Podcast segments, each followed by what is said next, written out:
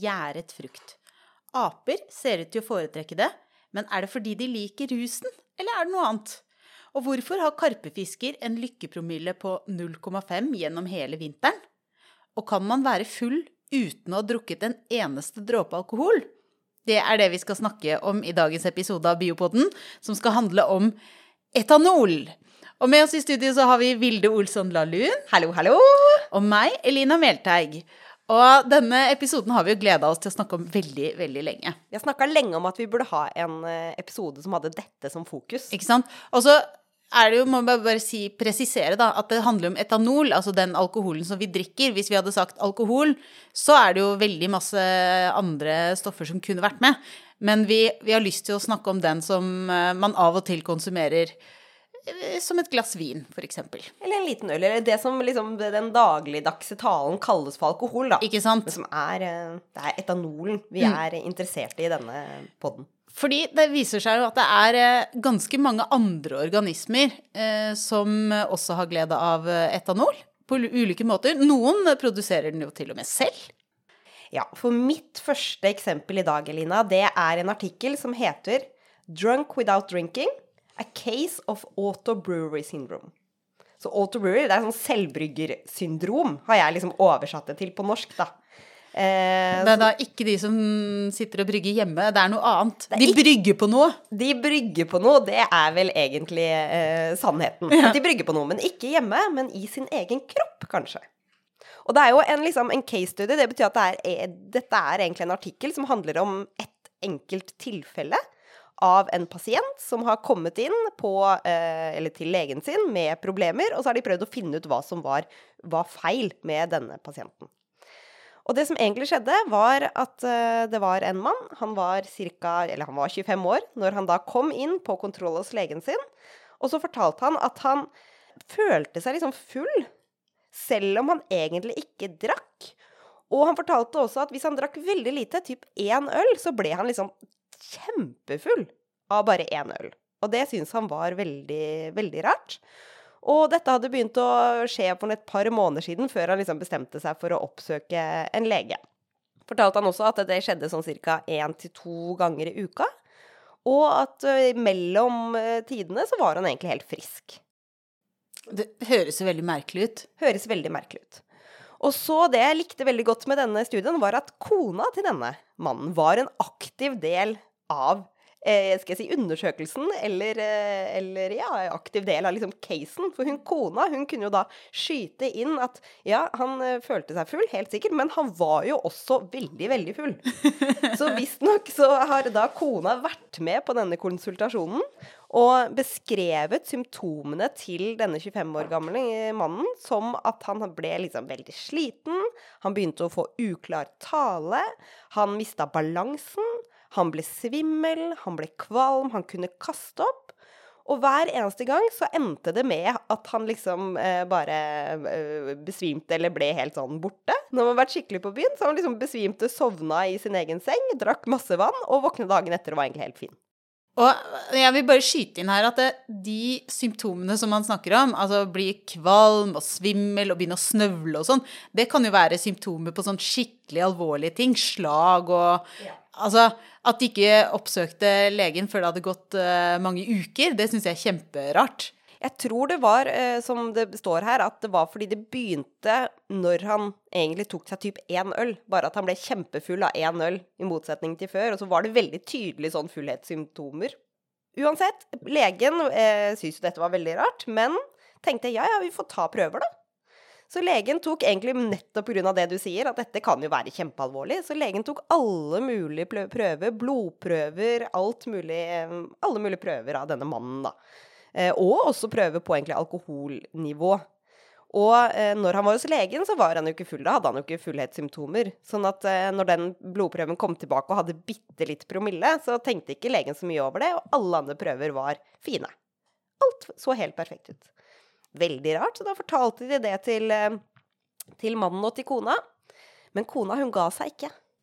Det er så fint med damer som ikke gir seg. Jeg liker damer som ikke gir seg. Så det hun kona gjorde når legen sa at her er det vel egentlig ikke noe feil, det var at ok, vet du hva, jeg kjøper min egen sånn derre alkoholanalysetest.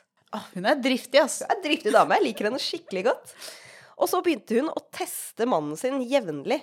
Både når han liksom hadde symptomer på å være full, og egentlig når han ikke hadde symptomer på å være full.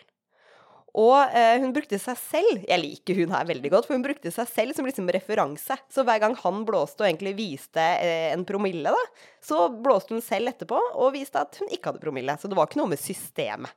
En promille, det er, det er egentlig ganske høyt, det. Ja, for tingen er at når han da ikke hadde noen symptomer i det hele tatt, så uansett når på døgnet, så hadde han en promille fra 0,4 til 0,7. Hvis jeg har en promille, da, da er jeg forbi lykkerusen. Um, Ja. da, da er jeg på Så- vei til sengs, for å si det sånn. Ja. Men han uten å ha gjort noen ting, så hadde han da, og ikke ha noen symptomer, så var det fra 0,4 til 0,7. Så det er ikke kjempehøyt, men det er jo fortsatt alkohol i blodet. Altså Man kan jo også si til sammenligning da, at jeg tror man dør hvis man har fire i promille eller noe sånt. nå. Så én i promille på sånn permanent basis, det er veldig, veldig høyt. Det er veldig, veldig høyt. Eh, og eh, når han da var og man, Jeg tror ikke man dør når man har oppi 4 promille, for han her kunne ha Det vet ikke hvor riktig det er, men han kunne ha oppi 20 i promille. Oi, det er helt sinnssykt! Det er helt, helt sinnssykt. For å være helt ærlig, det er jeg som har regna. Det sto opptil 2% i liksom eh, I denne artikkelen, så da bare regna jeg det om til promille. Jo, jo. Ja, men det, om, det er jo Da Han burde jo vært død for lenge siden. Ja. Men jeg kommer tilbake til det der. Okay. Jeg kommer tilbake til det der. Eh, men sannheten var jo da at hun kona skjønte at her er det jo noe. Så hun gikk tilbake til legen og fortalte om alt dette, og da skjønte legen med en gang at dette her er nok en av de få tilfellene av sykdommen som heter autobrewery-syndrom, eller selvbryggesyndromet. Eller litt sånn rettere sagt tarmfermenteringssyndromer. Og hva er det som egentlig har skjedd i denne mannen? Det som har skjedd, er at han har mest sannsynlig har hatt av en gjær eller en annen type organisme i tarmene sine.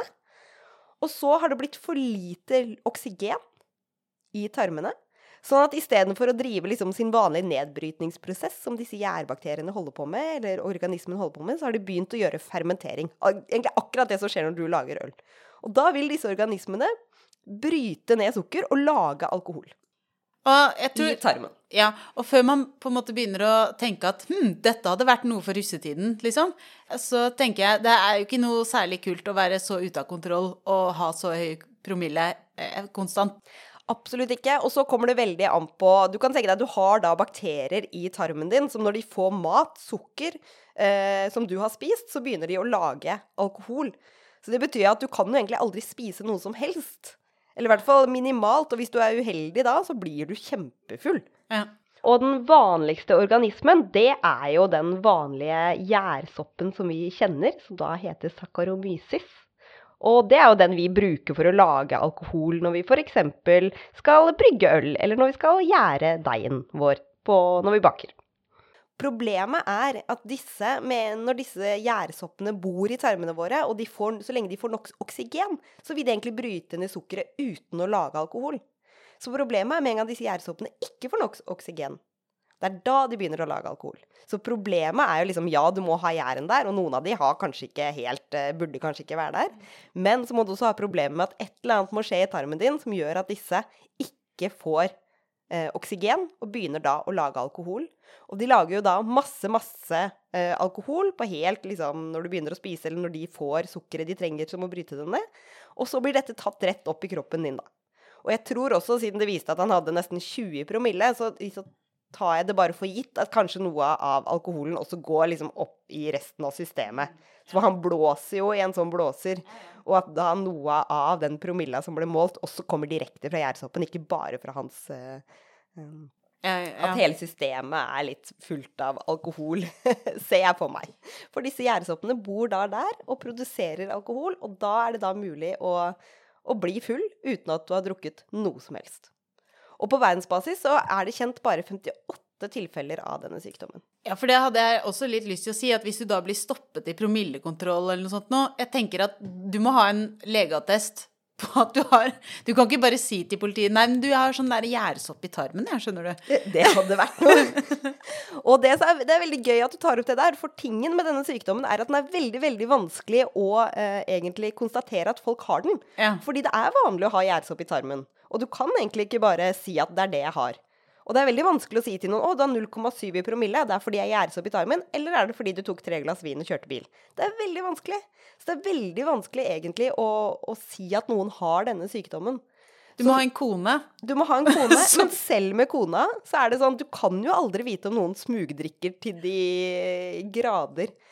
Så det er eh, Vanligvis så, så, tar de og liksom konstaterer den sykdommen ved at man blir bedre av behandling som er mot gjærsopp. Så du får en slags medisin som gjør at gjærsoppen dør, og så blir du bedre. Da sier de OK, det var det du hadde. Men siden dette er en veldig da eh, ikke sikker måte å egentlig konstatere sykdommen på, så er det akkurat det du sier. I USA så er det kjempemange som bruker denne sykdommen når de har blitt tatt i promillekontroll i liksom forskjellige eh, eh, rettssaker for å si at nei, jeg har ikke drukket, jeg hadde bare litt gjærsopp i tarmen. Og det er kjempevanskelig å si verken ja eller nei til. Ja, så nå etter denne podkasten eh, blir sluppet, så får politiet litt trøbbel med folk som pådrar seg gjærsopp i Norge, kanskje. Det kan godt hende. Og den eh, liksom, artikkel nummer to av Drunk Without Drinking er nemlig en artikkel hvor de har sett på forskjellige rettssaker hvor folk har brukt dette som unnskyldning for, for, at de hadde promille. Og da må jeg bare si på forhånd beklager politiet i Norge for at vi har gitt dere det ekstra trøbbelet. Som Ja, eh, eller kanskje biopoden rett og slett blir superduper populær, og folk bare Hm, det var noen triks fra naturen. Eh. Var noen triks. Jeg vil bare anbefale å ikke drikke hvis du skal kjøre bil. Null. Null toleranse. Ja. Men det er jo eh, noe å tenke på, da. At det er faktisk gjærsopp som kan lage alkohol. Og det kan jo også skje i brødbakst, f.eks. Når det er det er samme gjærsopp som ja. koser seg inni der. Men da er det jo i varme, så all alkohol fordamper jo heldigvis. Det Ja, og det er jo også litt i kefir, faktisk. Mm. Så For det er, jo, det er jo sånn at det er, det er mye alkohol i omløp eh, i eh, naturen. For nå er det jo at man kan ha alkohol i omløp fra gjær. Og fra egen kropp. Og fra egen kropp, Eller gjær i egen kropp, da. Ja. Å tenke på tarmen er jo egentlig ikke din egen kropp. Nei, det er jo ikke det. Den er jo liksom på utsiden, men innsiden. Ja. Men uh, mitt uh, første eksempel, det handler jo også litt om hvorfor er vi så fryktelig glad i alkohol? Um, og det er en uh, teori som ble lansert i 2014, som heter full AP-teorien, Eller drunken monkey theory. For det var en forsker som lurte litt på, på tvers av alle kulturer i alle områder av verden så er mennesker kjempeglad i alkohol. Og vi er så glad i alkohol at mange religioner og kulturer har liksom ulike regler og rammer og til og med forbud mot alkohol. Og det hadde vi jo ikke trengt hvis ikke vi var så fryktelig glad i det. Så åpenbart så er det liksom sånn på tvers av eh, land og landområder så er det eh, Er vi mennesker glad i å innta alkohol. Og, og vi har vært det lenge. Og vi har vært det lenge, ikke sant. Og det mente han det, det, må det være en eller annen sånn evolusjonær grunn til. Det må være en fordel av å være glad i alkohol. Hvis ikke så hadde det ikke vært så utbredt. Uh, og det var det han da ville teste. Fordi hvis det er en fordel av det, uh, og det ser vi også hos noen dyr som uh, også spiser gjæra frukt om høsten, at det hender at dyr kan bli fulle, rett og slett. Men det er ikke alle disse dyrene som har noen fordel av det. Noen av dem kan jo bare tilfeldigvis ha spist, spist gjæra frukt og blitt fulle som en bivirkning som var uønsket. Og så kan det hende at noen gjør det fordi de liker rusen. Men hans hypotese var det må være en fordel. Hvis ikke Å være litt rusa. Nei, det må være en fordel med å spise frukt som er gjæra, som har gjort at vi liker liker den rusen ja, og liker sånn, det. Ja. ja. Så det er noe i gjærafrukt som er fordelaktig for oss. Ikke sant. Så eh, det han eh, da ville eh, prøve å finne ut, var hos noen av våre litt fjerne slektninger, nemlig svarthåndklamreapene, Ateles geoffroy uh, Vi er så gode på de latinske ordene. geoffroy uh, i Mellom-Amerika. Så disse er, er fjerne slektninger av, av, oss mennesker. Og de spiser gjæra frukt om høsten. Eh, en sånn type mombinplommer, tror jeg han har kalt det. Og um, det de da dro for å undersøke, var å se er det egentlig er det noe særlig gjær i disse fruktene. Er det, inneholder de noe alkohol i det hele tatt? Og blir apene litt fulle, eh, og bryter de ned alkohol? Fordi, og bryter de ned alkohol, og ikke minst, bryter de ned alkohol på en sånn måte at de får energi ut av det. Fordi hvis man kan vise at de får ut energi fra alkoholen, for alkohol er egentlig et veldig energirikt stoff, mye mer energitett enn sukker. Så hvis du bryter ned alkohol på en sånn måte at du får ut energien, så er det en kjempefordel å spise frukt som inneholder gjær, fremfor frukt som bare er godt moden. Så det han eh, sjekket, var at de tok eh, urinprøver fra seks aper som, hadde, som, de hadde observert spise moden eller eh, gjæra frukt. Og de sjekket også frukten. Og da fant de ut at um, frukten som de spiste, inneholdt mellom 1 og 2% alkohol, var, eller etanol, da, for å være presis. Så det var lite grann. Det var liksom litt som en sånn lettøl, da.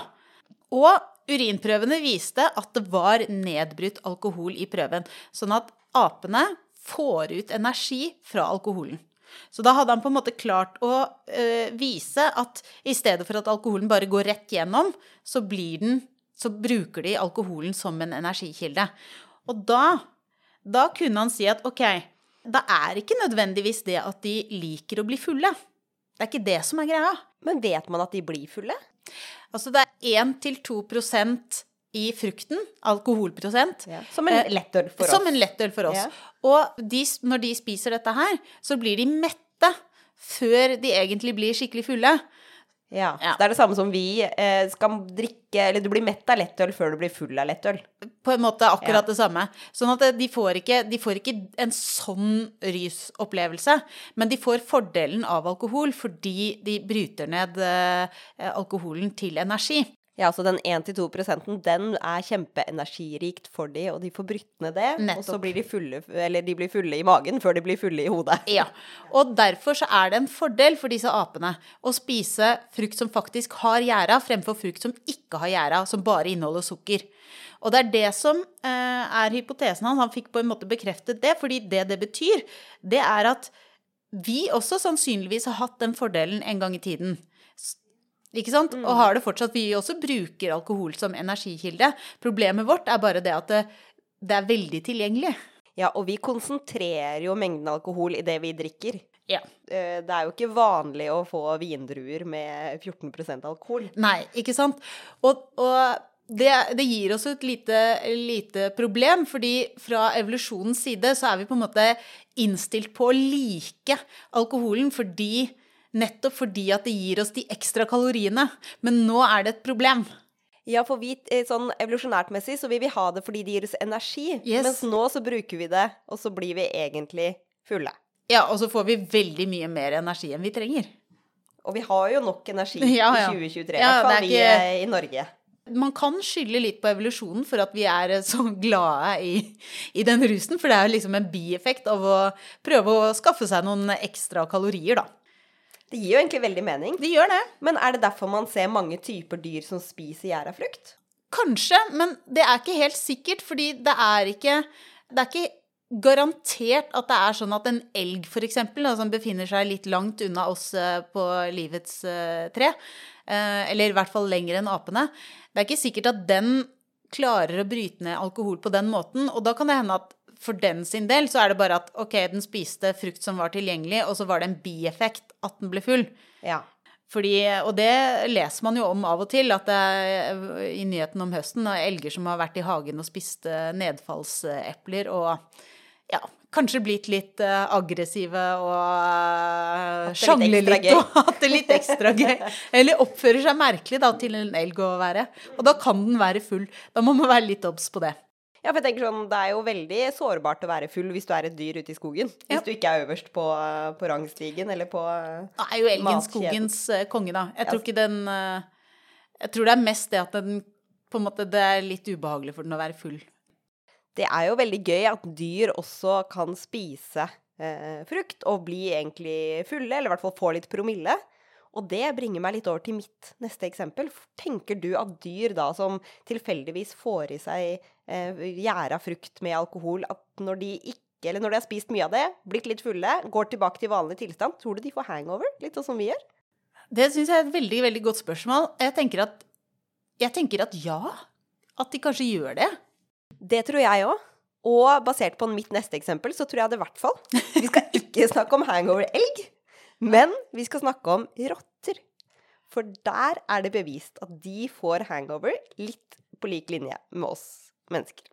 Og det har vel noen testa på uh, noen uh, lykkelig utvalgte labrotter, eller? Det har noen testa på noen labrotter.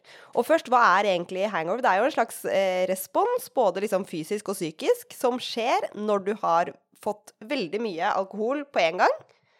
Og så får du en ganske høy promille, og så går promillen sakte, men sikkert ned til null. Og når da promillen treffer sånn cirka null, da begynner du å få hangover og føle deg dårlig.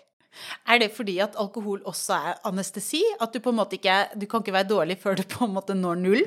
Det vet jeg ikke, men det jeg syns var litt interessant med det Jeg husker når jeg var som en ung voksen student. Ja.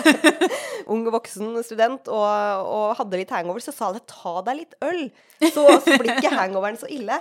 Og når jeg da leste veldig tydelig nå at hangover får du liksom når promillen går ned mot null, så tenkte jeg da gir det jo mening at man skal ta litt alkohol for å, for å få vekk hangover. Men nå tror jeg på en måte å, å, utsette effekten av en forgiftning med mer forgiftning Jeg vet ikke hvor lurt det er på sikt, da. Det er vel akkurat det. Og det har de vist at også skjer med rotter. Og det du kan gjøre med rotter, er jo egentlig gi de alkohol. Veldig du veier en rotte, se hvor mye den veier, og så gir du dem egentlig en gram alkohol basert, eller etanol, da, basert på vekten til rotten. Og de har funnet ut at hvis du gir en rotte 3,5 gram etanol per kilo, Uh, i liksom uh, intra, Ikke intravenøs, men de, de, putter det mellom organene i magen. Da tas det opp veldig raskt. Så du sprøyter det egentlig inn mellom organene inn i magen, og da tas det opp med en gang inn i tarmen, og så blir de, liksom, får de den promillen de skal ha, veldig fort. Da, da kan du sammenligne alle rottene med hverandre. Når da disse rottene går tilbake til promille på ca. null, så får de hangover-symptomer, som er på rotter tydelig å se, fordi de blir veldig nervøse. De blir liksom Får liksom Ja. De får fylleangst. De får fylleangst. ja. De får Bokstavelig talt. Det er det som er lettest å måle på en rotte. Og i denne studien, det jeg syntes var interessant, var at dette har man egentlig visst ganske lenge, at disse rottene får en slags form for fylleangst. Men i denne studien tenkte de hm, forsker som regel bare på eh, hannrotter. Ikke så mye på hunnrotter, og grunnen til det er at hannrotter ikke har en syklus, sånn som vi kvinner har. Så det er mye lettere å egentlig sammenligne hannrotter med hverandre enn hunnrotter som også skal ha en syklus og alt mulig rart. Men så har det så kommet flere og flere studier som sier at det kan jo hende menn og kvinner for menneskets del, men også da hannrotter og hunnrotter for rottenes del, reagerer på alkohol, og da også kanskje på hangover, forskjellig. Og det var det disse folkene hadde lyst til å teste. De hadde lyst til å finne ut av OK, er det sånn at hannrotter og hunderotter har en annerledes hangover fra hverandre? Det, det, er jo kjempegøy at noen har forska på det. Det er kjempegøy. Så det de gjorde, det var at de tok da seks hannrotter, seks hunderotter, og så ga de dem da 3,5 gram eh, etanol per kilo eh, inn i magen. Så hadde de også referanse, eller liksom kontrollrotter, som ikke fikk eh, alkoholen inn i magen. De fikk bare vann for, som en slags kontroll. Og så venta de da til rottene hadde blitt, eh, blitt eh, fulle, og til de hadde gått tilbake til sånn promille på ca. null. Og så gjorde de det som heter Jeg har liksom eh, oversatt det til norsk som en slags eh, områdestressituasjon. For det de egentlig vil finne ut av, er liksom hvor nervøse er disse rottene. Mm, graden av fylleangst. Graden av fylleangst. Så det de gjør, de putter én eh, og én rotte i en boks. Denne boksen har noen sånn helt konkrete omgivelser. I dette tilfellet så var det liksom striper på veggene og striper på gulvet. Og da ser jo rottene disse stripene, og så gir de rotten eller støt, så rotten får vondt. Og det betyr at rotten vil da forbinde stripene med støt. Mm.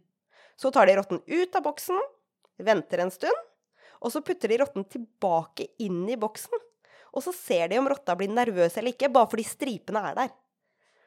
For tanken er da at en nervøs rotte vil se stripene og tenke 'Å, shit, her fikk jeg jo støt forrige gang! Dette var dritskummelt!' og bli, få fylleangst eller bli redd. Mens en rotte som er litt mer tøff og kul, vil tenke OK, samme boks som forrige gang, nå går det sikkert greit. Og så sammenligna de da egentlig eh, både rotter som hadde eh, hangover, og rotter som ikke hadde hangover. Og så sammenligna de hann- og hunnrotter. Og hvis vi da ser på hunnrottene først, da, så var det sånn at eh, OK, vi ga hunnrottene hangover. Vi putta først kontrollgruppa tilbake i boksen med stripene. Noen, noen reagerer jo med stress, men ikke alle. Eh, så det var en helt liksom, vanlig respons, da. Noen ble litt redde, ikke alle. Og så gjorde de det samme med hunnrottene som hadde hangover, og de reagerte egentlig akkurat likt som de vanlige, eh, ikke Så hangover-hunnrotter, de var litt sånn OK, dette her går sikkert fint. Eh, noen ble litt redde. Og så gjorde de det samme med hannrottene. Og hangover-hannrotter, de har så fylleangst! Man må jo lure på hva, hva har disse rottene liksom gjort? så de så en kjempeforskjell mellom egentlig hangover hannrotter og hunnrotter, med at hannrottene de så seg rundt i disse omgivelsene og tenkte 'Å, herregud, dette går dårlig'. Og så gjorde de en sånn stressrespons, da. Og stressresponsen de målte, var egentlig at rotten fryser og blir helt stiv. Det er en sånn eh, angst-fryktrespons i rotter. Så de målte egentlig det. Og da så de da at det var stor forskjell på egentlig hannrotter og hunnrotter. I at hannrottene de ble jo da, hadde da mye mer fylleangst med omgivelser enn det hunnrotter hadde. De testa det samme jeg har på det, de testa det samme også med lyd. At det er liksom lyden som fører til stress eller et støt. Og der var det ikke noe forskjell i noen. Så det hadde et eller annet med liksom omgi omgivelsene å gjøre. Ikke eh, lydstimuli, men omgivelsesstimuli for disse hannrottene. Og så testa de en ting til, for de tenkte hm, det har seg jo sånn at kan jo hende disse rottene de, de, bruker alkoholen litt annerledes. At de bryter ned alkoholen litt annerledes. Kanskje det også er forskjell på han- og hunnrotter? Så de ga, eh, gjorde det samme igjen. Egentlig ga eh, rottene, både hund- og hannrotter, alkohol. Og så tok de blodprøve hver time, og så hvor fort bryter disse rottene ned alkoholen. Og vil du gjette hvem som bryter ned alkohol fortest? Sånn rent intuitivt, eller kanskje ikke intuitivt, men, men uh, fordomsfullt, da. Så vil jeg kanskje si hannrottene, at de kanskje bryter ned alkoholen raskere. Absolutt ikke! Hunnrottene bryter ned alkoholen mye raskere enn hannrottene. Så de er da fullere kortere og uh, har ikke hangover-frykt. Så min konklusjon for dette er jo at uh, det er jo noe potensial for oss kvinner i å, å, klare å spise gjæra frukt. altså, det hadde vært sy sykt interessant hvis man fant ut noe om uh, hvorvidt det samme var tilfellet for mennesker, da. Basert på bare ren hukommelse nå, så har jeg mener å ha sett noen dokumentarer hvor, hvor, de sier at ja, kvinner bryter ned alkohol langsommere. Men det er kanskje bare fordi vi er mindre og gjerne drikker den samme enheten. Så det kanskje, kanskje vi egentlig bryter ned raskere per kilo kroppsvekt. Hvem vet? Hvem vet. Og disse resultatene kan jo absolutt ikke overføres direkte nei, nei, til mennesker. Nei. Men de viser jo veldig tydelig at det er forskjell på kjønn? Og det er forskjell på hvordan man tåler det å bli kanskje Eller å få en hangover, og kanskje også hvordan man reagerer på å være full. Det er forskjell på kjønn. Så forskning på også liksom kvinner og hunnmus er jo eh, kjempeviktig. Ja. Og det kommer jo veldig tydelig fram i denne studien. Og så vil jeg at vi skal tenke over det neste gang du ser en sånn eh, herremann som er hangover-frykt eller er fylleangst. Så kan du tenke hm, hadde du vært kvinne, kanskje dette hadde gått litt bedre? det, er, det, er, det, er, ganske gøy å tenke på. Og så var det Jeg likte den studien godt, Vilde, fordi det viser nettopp, som de sier, da, forskjellen på kjønn. Det må tas med i forskningen, også i, i dyre- og naturforskning. Jeg er absolutt enig. Men nå har vi snakka veldig mye om, om uh, alkohol, og uh, all den alkoholen vi har snakka om nå, har jo egentlig vært laga av gjærsopp. Det stemmer. Eh, om det er gjærsopp som vokser i frukt eller i tarmen eller hva som helst, så er det, det er jo gjærsopp og dens effekt på, på rottene, på en måte. Men det finnes noen andre organismer som faktisk lager alkohol. Det er ikke bare gjærsopp. Det er noen få andre. Er det en bakterie? Eh, I dette tilfellet så er det en fisk. En fisk? Og det er jo egentlig veldig rart. Fisk lager jo vanligvis ikke alkohol, men det er noen arter som har spesialisert seg på det, for du var inne på det i eksempelet med tarmen. Fortell, fortell. Dette skjer jo når det ikke er oksygen tilgjengelig. Da er det greit å ha en backup. For det finnes en type fisk, karpefisk, eller carussius carussius. På norsk så heter den jo bare karuss. Er det en sånn gullfiskfamilie? Det er gullfiskslektningen. Det er en, en fetter, kan du si. Jeg elsker det. Og Vi har gullfisk som lager alkohol, eller etanol. Rett og slett. Men det de har forsket på her, er jo karussen, da. Og greia med den er jo at den overlever i små vann, hvor det blir isdekke om vinteren, og null på en måte, øh, hva skal du si, omskiftning av vannet, da, så kommer det ikke noe oksygen til. Og det er ikke noen planter oppi der som klarer å lage noe um, oksygen når det er isdekke. Nei, da kommer det vel ikke noe sol heller. det er kanskje sant? ikke så rart. Ja, Så hvis det er vinter da, et par måneder av året, eh, så er det jo veldig greit å være tilpasset og leve i en nisje hvor andre fisk ikke får til å leve. Da har du et fortrinn. Men fins denne fisken i Norge? Ja. Er den i vann i Nordmarka, liksom? Ja. Nei, så Jo, gøy! Og det er, jeg tror det er i Nordmarka de faktisk henta opp noen av de fiskene. De Er det en på. Dette er en norsk eh, studie fra Instituttet for biovitenskap ved Universitetet i Oslo. Stas. Så det er veldig, veldig gøy. Og det blir jo veldig lite luft i vannet, så det at disse fiskene er tilpassa det, det er liksom en sånn nisje, og en overlevelsesnisje. Og det har vært kjent en stund at disse fiskene kan skaffe seg eh, energi uten å forbrenne oksygen. Så de går liksom videre og lager alkohol i stedet, som en sånn alternativ energikilde. Og så vil jeg bare si at vi mennesker klarer å leve uten oksygen i veldig, veldig korte perioder, vi òg. Har du noen gang vært på trening og blitt så andpusten at du liksom kjenner at det syrner i musklene? Absolutt. Melkesyra kommer Yes. eh, hardt og brutalt. Uh, den jeg burde vel si at jeg gjør det veldig ofte, men sannheten er at jeg gjør det ikke sånn veldig ofte, men det har skjedd. Det har skjedd, du kjenner igjen følelsen. Kjenner igjen følelsen. Og uh, det er jo fordi du ikke har klart å skaffe nok oksygen til musklene. Det Eh, stemmer. Uh, Og da lager kroppen melkesyre i stedet for å skaffe energi til muskelarbeidet. Og det gjør andre dyr også når de ikke får nok oksygen. Problemet oppstår egentlig når du ikke får oksygen og samtidig ikke blir kvitt melkesyra. Da hoper det seg opp melkesyre, og så dør du fordi det blir egentlig syra ødelegger kroppen. Ja, du får for mye syre, ja. Yes. Så en av de tingene som eh, denne karpefisken gjør, det er å omdanne melkesyren igjen til alkohol. Så i stedet for at eh, melkesyren For den, den, den har liksom samme prosess, da, med at eh, fravær av oksygen gjør at det blir melkesyre i musklene. Men i stedet for at den melkesyra hoper seg opp, så dannes den om til alkohol igjen. Og så kan alkoholen også brukes som energikilde. Oi, det var jo superlurt. Ja, det er smart. Og det har vært kjent at de har denne prosessen en stund. Men det disse forskerne lurte på, det var hvorfor har dette skjedd? Hva, hva er bak, hvordan kan en sånn ting har oppstått? Så det de undersøkte, var da genene. Og da fant de ut at for åtte million, millioner år siden, det er ganske lang tid, da fikk denne karusfisken en dobling av genene. Og Genduplikasjon. Rett og slett. Det liker vi. Og noen ganger så forsvinner disse duplikatene, og andre ganger så kan de utvikle seg og på en måte få litt andre egenskaper da, enn i de opprinnelige genene. Så det som skjedde i karussen, det var at eh, de fikk litt nye funksjoner. Så i stedet for å liksom ha gen som bryter ned melkesyre og bryter ned alkohol, så gikk den liksom andre veien. At den tar melkesyre og gjør den over til alkohol. Ok, så bare for å presisere, eh, det er ikke sånn at eh, det går direkte fra å være melkesyre til å bli etanol. Det er ikke sånn at det er et gen som liksom bare smack. Det er en prosess. Så det er mange trinn i dette her, bare sånn at man ikke skal tro at det er sånn Plutselig så ble det en gendobling, og så var det magi. Eh, Men det dannes Altså dette, dette genet lager på en måte noe som kroppen lett kan bruke videre i den prosessen, da. Så det går tilbake til noe som heter pyruvat, og så lager gjennom en ganske komplisert prosess, så lager kroppen til karussen etanol av det til slutt, når det ikke er oksygen til stede. Det er kjempespennende. Mm, Det er veldig, veldig spennende. Og så er den ikke sånn Den er ikke rågod på å bryte ned alkohol.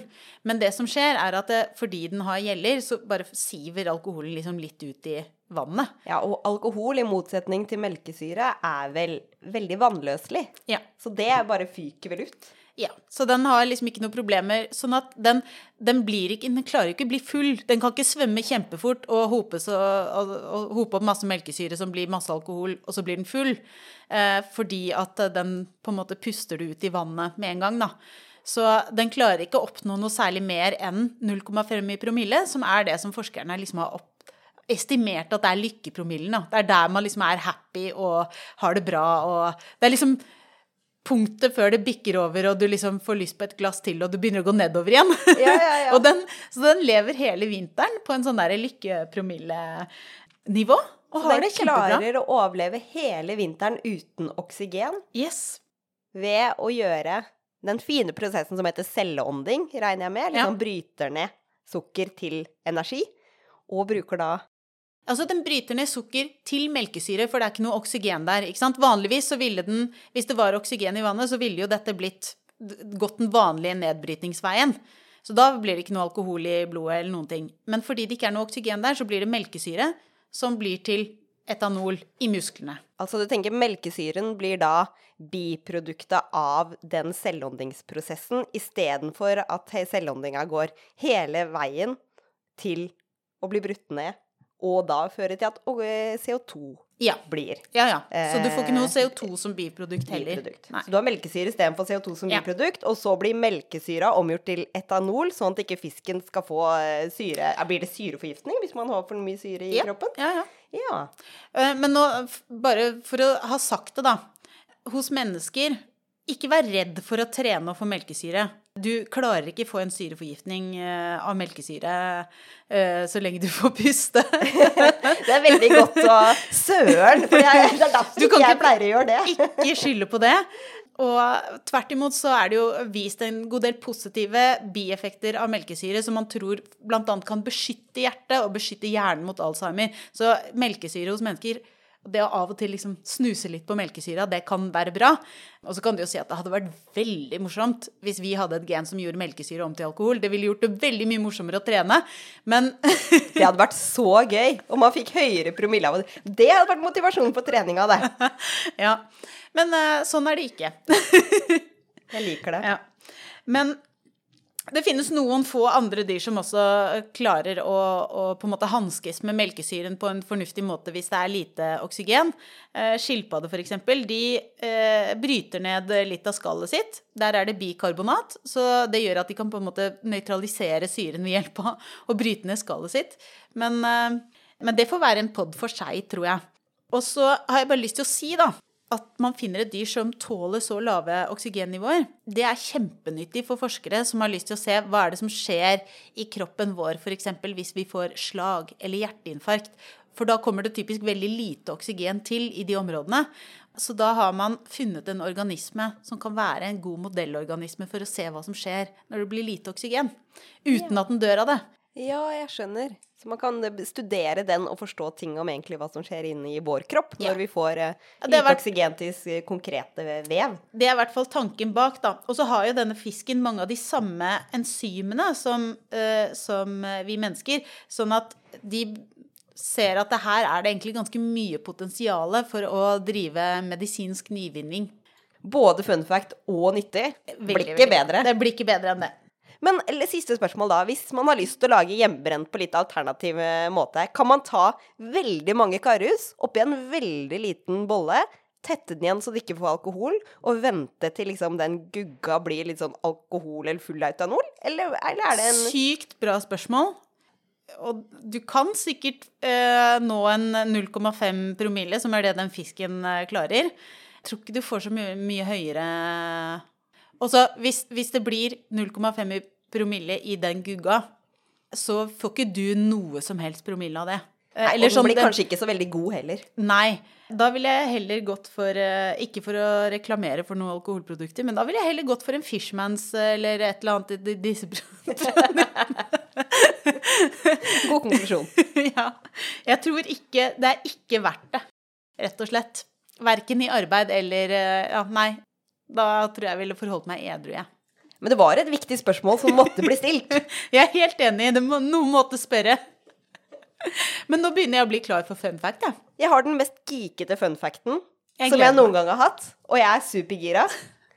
Vet du hva min fun fact er? Nei. Det er et enzym som heter alkoholdehydrogenase. Og hele vår podkast i dag, Elina, handler om alkoholdehydrogenase. Fordi det er et enzym som er kjempekonservert. Det betyr at det er likt, ser veldig likt ut, i eh, så å si alle typer organismer. Alt fra Karpefisk. karpefisk til gjær, til planter, til mennesker, til andre dyr, til egentlig alle mulige forskjellige typer organismer.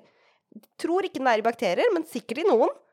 Og det som er med denne alkoholdehydrogenase, er at den kan både liksom bryte ned alkohol, som den gjør i oss mennesker og i rotter, men det er jo også egentlig det samme enzymet som reverserer prosessen sin og lager alkohol, som den gjør i karpefisken eller i gjærfisken. Akkurat det som hadde skjedd. Så det er akkurat gjærfisk. Det var ikke det jeg mente. Gjær. Jern. Så dette er jo bare det sjukeste enzymet. Og så er det bare å fortsette med det du nevnte i stad, men hmm, hangover-rotte-eksempelet mitt, og er det i mennesker sånn at også hun og han, eller han, kvinner og menn, har forskjellige mengder eh, for å bryte ned alkohol, eller for å tåle en hangover? Har vi forskjellig mengde alkoholdehydrogenase? Absolutt! Og det er akkurat det vi har. Så det som er, er at Å nei, du hadde svaret hele tiden, og så Ja! sa du ingenting! Det er en studie som egentlig de, kan Jeg kan jo ikke si noe om direkte nedbrytning av alkoholen, men de har sett på mengden alkoholdehydrogenase, hvor mye vi mennesker klarer å produsere. Og de har funnet ut at det er forskjell i kvinner og menn, hvor mye vi lager. Det er forskjell på alder. Det er også forskjell på etnisitet. Så du har liksom noen eh, populasjoner som har eh, mye mindre og mye dårligere alkoholdehydrogenase enn andre, og som da har denne i tarmen og bryter ned alkohol dårligere, dårligere enn andre, f.eks. Og det som jeg skulle si med eh, menn og kvinner og alder, er at det de fant ut av eh, mengde alkoholdehydrogenase, er at for menn, når de er unge, kule, tøffe, 20-åra, har de sjuke mengder alkoholdehydrogenase. Det trengte vi ikke forske på, det visste vi. Det visste vi. Det som er, er at mengden går egentlig nedover med alderen. Ja, det visste vi også. Ja, så, de, så menn, eh, hvis vi skal bare gå rett ut ifra hvor mye av dette enzymet de har, det er jo andre ting òg, men vi skal så, så tåler egentlig menn mindre og mindre alkohol over årene, ifølge denne studien. Hvis vi går på kvinner, så har de eh, en god del i liksom unge voksen, 20-40-årene. Men de er enda mer når de er sånn over 40. Så kvinner får egentlig mer og mer, i hvert fall av enzymet, da, alkoholdehydrogenase, med alderen. Å, yes! Endelig er det bra å være dame! Endelig er det bra å være dame. Men som sagt, det er ikke sikkert dette kan direkte overføres til hvor mye du tåler. Søren. Men det sier i hvert fall noe om at det er store forskjeller igjen på menn og kvinner, og hvordan vi tåler å, ned, å bryte ned forskjellige strukturer, er inkludert alkohol. Ja, og så er det jo litt morsomt at det er ikke intuitivt, for jeg trodde kanskje at kvinner eh, En ting er at vi har mindre enn menn eh, i utgangspunktet, men jeg trodde kanskje at vi også enda raskere liksom mista alkoholdehydrogenas, da. Eh, men det er veldig morsomt at det ikke er tilfellet. Ikke ifølge denne studien her, så, er det, så stemmer absolutt ikke det. Og det siste jeg skulle si, er at planter, jeg er veldig glad i planter, de har også alkoholdehydrogenase. Er det sant? Det er sant, men de bruker det til å egentlig lage alkohol eh, veldig ofte. Litt sånn som gjær og, og bakterier. Når de trenger en alternativ måte for selvånding, altså for å bryte ned sukker da, for å, i Så, kroppen. Så, er det noen planter planter som kan lage alkohol som et slags biprodukt. Søren, ja. Minimalt, da. Du kan, ikke, det, du kan nok ikke spise en plantefrø, for eksempel, og bli full. Det er veldig lite. Søren. Men nå gleder jeg meg til din. Jeg regner med at den er mindre geekete. Nei, den er ganske geekete oh, jeg også. liker det. Eh, fordi du snakket jo om disse gjærsoppene i tarmen, og at eh, dette er ganske sjeldent autobrewery syndrome.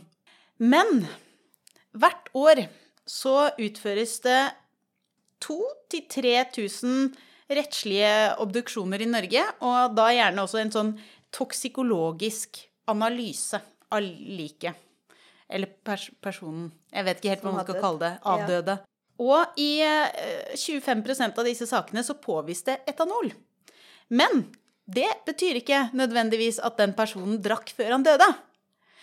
Fordi eh, etanol det kan dannes i kroppen etter døden, og dette fenomenet kalles postmortal alkoholdannelse. Er det sant? Ja.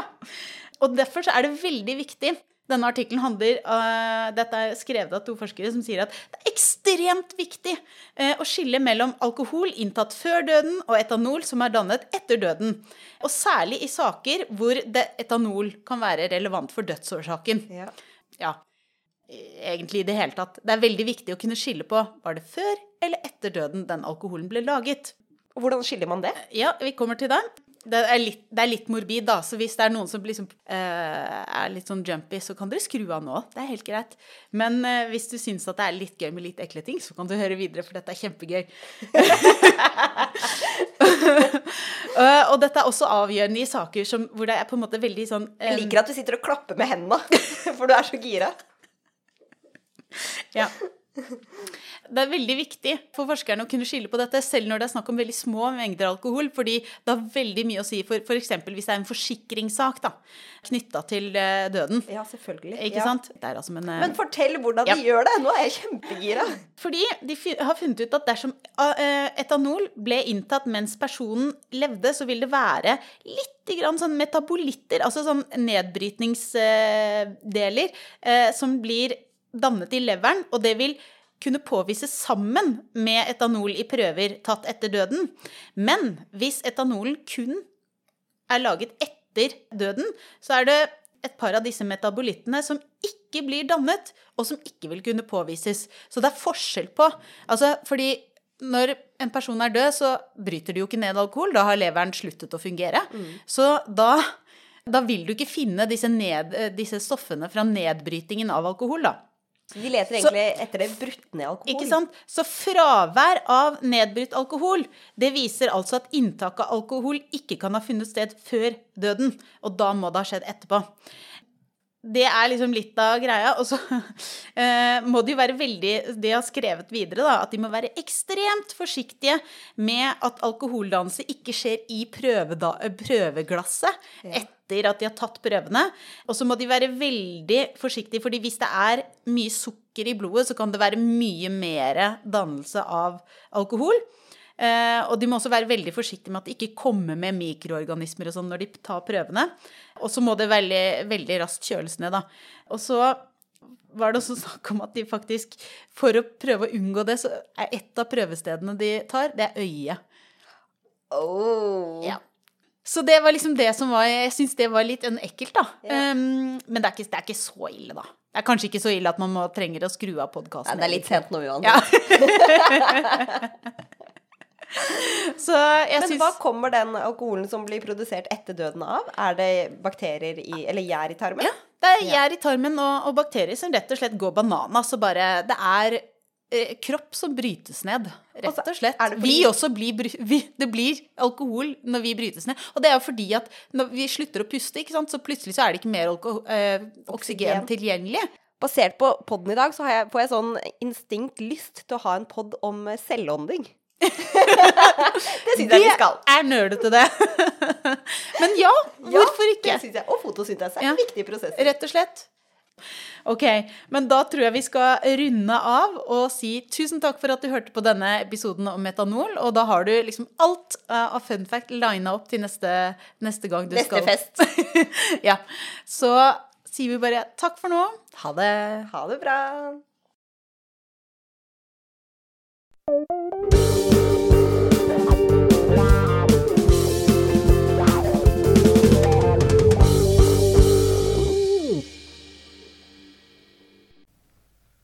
nå hørt Biopodden med Vilde Olsson Lahlun og Elina Melteig. Og med på laget har vi også Torborg Galtland, daglig leder i Norsk biologforening.